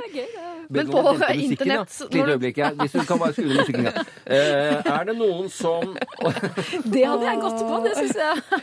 Jo, kanskje, Det er verdt å prøve det, men jeg syns også han skal legge det på internett og skrive liksom sånn Jeg har dykkerlappen, øh, liker amfibier, favoritter, slange, firfisle osv. Uh, og, og er og opptatt av avstandsforhold. Noen biter på Hun fins, hun dama der. Men hvis ikke hun da øh, møter sånn der gærne dame som tenker sånn Han skal jeg snu. Ja, ja. Så for sånne. Men en annen ting er jo ofte at den, single, den lista man har som singel med, med menyen, liksom, eller det er dette jeg vil ha, den stemmer jo oftest ikke. Aldri. Nei. Nei, aldri. Så han kan jo prøve. Og vi vil gjerne høre hvordan det gikk. Her vil vi høre hvordan det gikk. Det gjelder jo egentlig alle problemene. Fant du henne? Hvor bor hun? Hvor bor du? Også? Vi vil ha oppdateringer. Og send oss lista, ja. Men du, du nevnte dette favorittdyr amfibier. Det tror jeg er veldig dårlig, for det er mange jenter som ikke liker det. Kanskje favorittdyr hund? Ja, Det er en god historie om Else Kåss Furuseth lagde profil på internett. Jeg husker ikke om det var privat eller forbindelse med et eller annet. Men, eh, og det var ikke så mye interesse, og så la hun ut som eh, ekstrainteresse amfibier. Da finner hun sykt mye henvendelser fra gutter som bare oh, eh, ja, for det er, det er sånn som gutter liker, men veldig få jenter. Da. Jeg bare nevner det. Ok, Lykke til med å finne eh, den, eh, den rette på et helt annet sted enn der du er. Vi vil se lista. Eh, og det du da bør prøve på for å finne den rette, er å ta med deg enten lista, lese høyt fra den i bar, men også legge den ut på internett. Tror jeg kan være et skritt i riktig retning. Lørdagsrådet På P3. P3 Det var Susanne Sundfør sammen med M83 og deres Oblivion, som jo har blitt en snakkis over hele verden. Eh, altså en låt som da er i denne Oblivion-filmen med Tom Cruise. Jeg har så lyst til å være venninne med Susanne Sundfør. Har du det? Det tror jeg skal være mulig å bli. Jeg tror det. Ja, ja, jeg tror det. Hun trenger noe varme rundt seg. Det føler jeg meg helt Nå, kanskje hun slutter å lage bra musikk, så kanskje det var Å, dumt. nei, Ja. ikke fuck opp. Ikke fuck opp. Eh, Gunhild Dahlberg er eh, rådgiver, har vært det hele, på hele morgenen i dag. Solveig Kloppen også, og Rune Gokstad. Og vi skal eh, som siste problem i dag ta et som er litt eh, teknisk. Et kort spørsmål som dere kan ta uh, innimellom de litt tyngre problemene. Det er veldig raust at folk er med å tenke på dramaturgien i programmet. Jeg irriterer meg sånn over at vennene mine poster de samme bildene både på Instagram og på Facebook.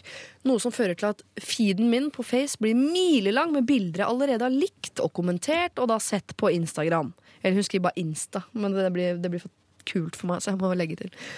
Det jeg lurer på er om jeg bare skal slutte å følge disse venstrene på Insta. på Face er det litt mer info som kan være grei å ha tilgang til. Mailadresse, telefonnummer osv. Eller skal, eller skal jeg gi beskjed om at jeg syns dette er litt irriterende. Mitt syn er at dette er to forskjellige fora som vi bruker til forskjellige ting. Fortell gjerne hvordan dere differensierer disse to sosiale plattformene. Ta gjerne en runde på det etterpå. Altså. Det er snakk om 70 pluss av vennene mine som bruker begge foraer og spyr ut samme eh, bilde på begge steder. Er det jeg som er sær, som, som syns dette bare er tull? Og så et spørsmål til. Er det forventning til at man kommenterer og liker på begge foraene? Hilsen Bukke. Stakkars, stakkars, stakkars Vibeke. Hun har det helt grusomt i livet sitt! Jeg tror du mener det litt òg, for du er sånn som av en situasjon å, å havne i. Kan dere tenke dere? Og dette er vel et ilandsproblem, kan vi ikke si det? Klassisk uh, Jeg vil ilands. prøve å relatere det til mitt eget liv. Ja, lykke til. Um, Uh, og da tenker jeg nei, ja, man skal, jeg limer ikke inn de samme uh, bildene i album som jeg henger opp på veggen. Jeg er jo verken på Face eller Insta, som Nei. du skjønner. Har du mye bilder på veggen hjemme? Ja. Så ikke Jeg sånn. er, jeg er i samme situasjon. Stoffoppdatering på veggen òg? Jeg er uh, som Solveig ikke på noen av de Så jeg det, det representerer Du skjønte ikke sånn, Jo, jeg skjønner spørsmålet veldig godt. Uh, men, men, uh, men sympatien, den, den får du ikke hentet ut hos meg. Altså, fordi Da får du melde deg av eller på eller si ifra. Jeg er vel veldig usikker på hvordan hun skal løse dette her. Igjen så går det jo an å Altså, hun må jo velge, da. Ja. Hun må jo, og, det som er problem, det jeg tror er problemet hennes, er at, at hun vil være med på alt. For hun er jo redd for å ikke være med på Instagram. For tenk om det skjer noe der. Tenk det blir lagt ut noe der som ved en feil ikke havner på Facebook. Så det, kan det være at det er noen bilder jeg ikke får med meg, eller noen meldinger som ikke når meg. Så det er jo, det er jo en sånn, der, det er jo en sånn kommunikasjonsengstelse i, i bånn her. Eh, og den kommer ikke til å bli noe mindre etter hvert som hun eh, holder på med å hoie rundt eh, på disse mediene, altså. Men er det ikke så enkelt som at hun kan bare slutte å følge eh, på Instagram de som legger ut det samme på Da vet hun jo at det, går- at det at det går kan, ja, Ja, det kan gå komme noen, vet du. Så det er bare å scrolle nedover og ikke bry seg. Fordi det er jo veldig vanskelig å lage noen regler på hvordan man skal oppføre seg på, på de forskjellige Altså det er jo verdensomspennende eh, ting. Og det er jo det er nesten som å gå- inn og tenke Sånn skal vi tenke. Du har ikke lov til å tenke sånn, du har ikke lov til å tenke sånn. Det går ikke. Bare Det er et eh, helt eget dyr. Og så tenker jeg at dette her er jo veldig mye mer irriterende idet man begynner å irritere seg over det. For da blir jo ethvert et hvert meg litt bilde blir et slag i trynet, liksom. Men hvis du øh, Hun spør skal jeg gå og si til vennene mine at dette er irriterende. Da, bare tenker, Nei, da blir du hu. Du, må- du må da blir du hu. Du kan ikke det. Ja, da Ja. blir du Hu, rett og slett. Fordi det er, ingen andre, det er ingen andre som irriterer seg over det, for de driver jo med det. Og da kan ikke du være eh, Altså, det er, det er tydeligvis bare hos deg problemet ligger. Men samtidig, som sånn eh, samfunnsoppdrager, så er jeg enig at dette er, det er jo litt irriterende. Så det er jo, det hadde vært deilig om noen gadd å være hu, som Safra, da. Men, Jo, men- jeg er på begge deler, og jeg ser jo at det, er, jo- det gjør jo mine venner også. og Kanskje til og med det akkurat det samme på Twitter. Eh, mm. Så det er jo det er jo ikke noe å irritere seg over. Det har kommet for å bli. Men det hadde vært kanskje enda eh, mer irriterende hvis noen la ut noe litt sånn artig på Twitter, og jammen så hadde de ikke sånn status på Facebook også. Det syns jeg ville vært verre. For litt sånn, ja, Så stolt du var av din egen spøk, ja, gitt. Det synes jeg var vanskeligere enn Men skal, skal Instagram være et liksom Rolls-Royce-utgaven av uh, Facebook, da? Og da skal du legge ut det kuleste, og så er det en teaser på Face, og så må du opp, over på Twitter etterpå. Det blir jo det samme. Du må inn på begge steder uansett. Jeg skjønner at det er mange av oss bør, som bør ned på 80% for å rekke over dette her. Ja. Ja. Ja, i arbeids... Ja, i arbeid, ja, ja. ja, ja, ja. Det, har hun hørt om TV? Tror jeg ikke. Det er så 2011. Det står det samme i Dagbladet VG, hvis du skjønner. Det er litt sånn Det er veldig lite Ja. forskjell.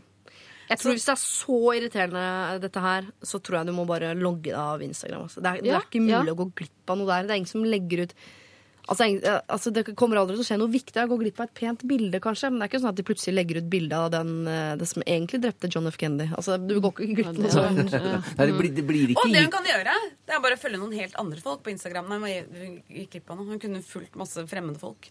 På Instagram. For å- Ja, for det er ikke sånn at, at det er nyheter av samfunnsmessig viktighet som legges ut på Instagram. Det er ikke sånn at uh, regjering eh, og forsvar og sånne ting, helsemyndigheter, kommuniserer via Instagram når beskjeder skal gis. Nei. Du gjør det vel via Twitter?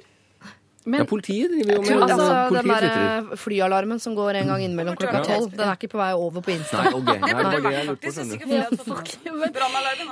Men jeg, jeg, må, bare si det til henne at eh, jeg kjenner igjen det å være redd for å gå glipp av noe. Ja. Man går aldri glipp av noe. Nei, man går aldri glipp av noe. Jeg gikk glipp av eh, 30-årsdagen til Rune Munkeby, som nå jobber i Ekko, fordi jeg ikke var på Facebook. Ok, man, Aldri går man glipp av noe. Ja, man har lagt det ut på Den invitasjonen lå ikke på Insta, så ikke sant? Nei, den nå på Face. Lå på Face. Face. Ja.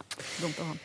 Eh, Men jeg også anerkjenner og liker irritasjonen din, for det er jo veldig deilig å irritere når man tenker at alle de andre tar feil her for en irriterende eh, gruppe mennesker. Eh, Men jeg tror ikke det er så lurt å si fra om sånne ting, for da blir du som sagt hu. Men det sagt så vil jeg også informere om at det eh, ligger et bilde av oss eh, i rådet, dagens råd, på Facebook. Og akkurat i dag så skal vi faktisk også legge det på Insta. Men der er det nakenbildet. Der er alle toppen av. Ja, det er nøyaktig det samme bildet, faktisk.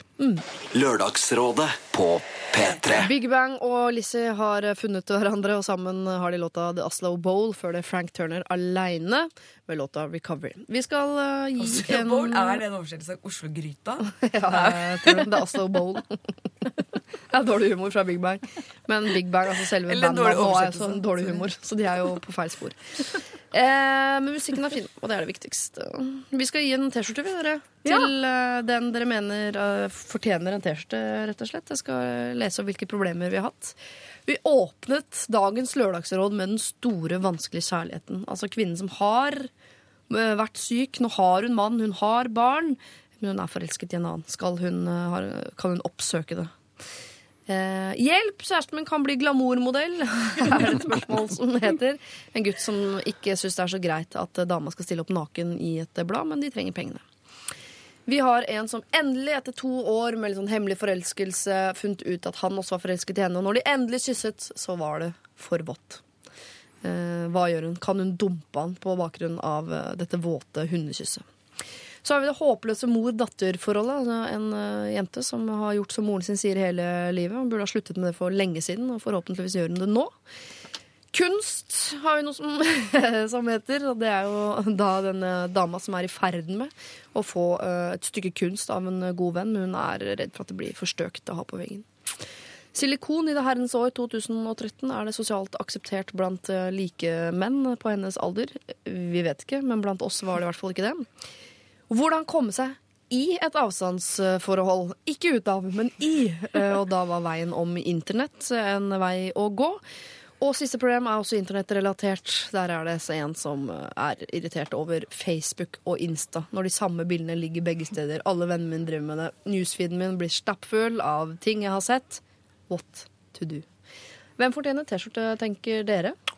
Jeg tenkte kanskje en jente fra SM som åpenbart ikke har klær, siden hun må stille naken på foto. Det var helt greit. Så hun får den fra meg. Men vi har bare én, har vi ikke det? Jo. Eller må hun- bli enige for første gang i dag. Eller hun med de små puppene eh, som vurderer å ta silikon. For hvis hun får en trang, trang, trang T-skjorte, så ser det ut som puppene er store. Ja, Da vil jo forskjellen også synes. For det var mest forskjellen. sant. Ja. Da heier jeg på eh, kunstdamen, hun som er redd for at hun får stygg kunst eh, fra sin amatørkunstnervenn. Men da eh, skal det stå Lørdagsrådet, og så eh, det du ikke får solgt, er det ingen som vil ha. Bakpå. Jeg holder en Ja. knapp på, på hun eh, som skal, trenger å bryte med moren sin, altså. Ja. Å komme seg Mm. utenlands. Jeg lurer på om ikke det å gi henne en T-skjorte herfra vil være en slags anerkjennelse på at eh, Hvis hun gjør som vi Ja, men, sier Som NRK-ansatt syns jeg er et veldig dårlig forslag. For hvis hun flytter til utlandet, hva skal hun med Lørdagsrådet-reklamen da? Nei, det er, det er sant. Man kan Nei, Det blir som en amerikaner som tar på seg en Nike-T-skjorte og drar til Norge. Ja. Ja, det, det, For det har, har ikke noe effekt. Det er sant, det. Jeg liker at du sammenligner merkevarene Lørdagsrådet og Nike. Det er jo tett, tett up there.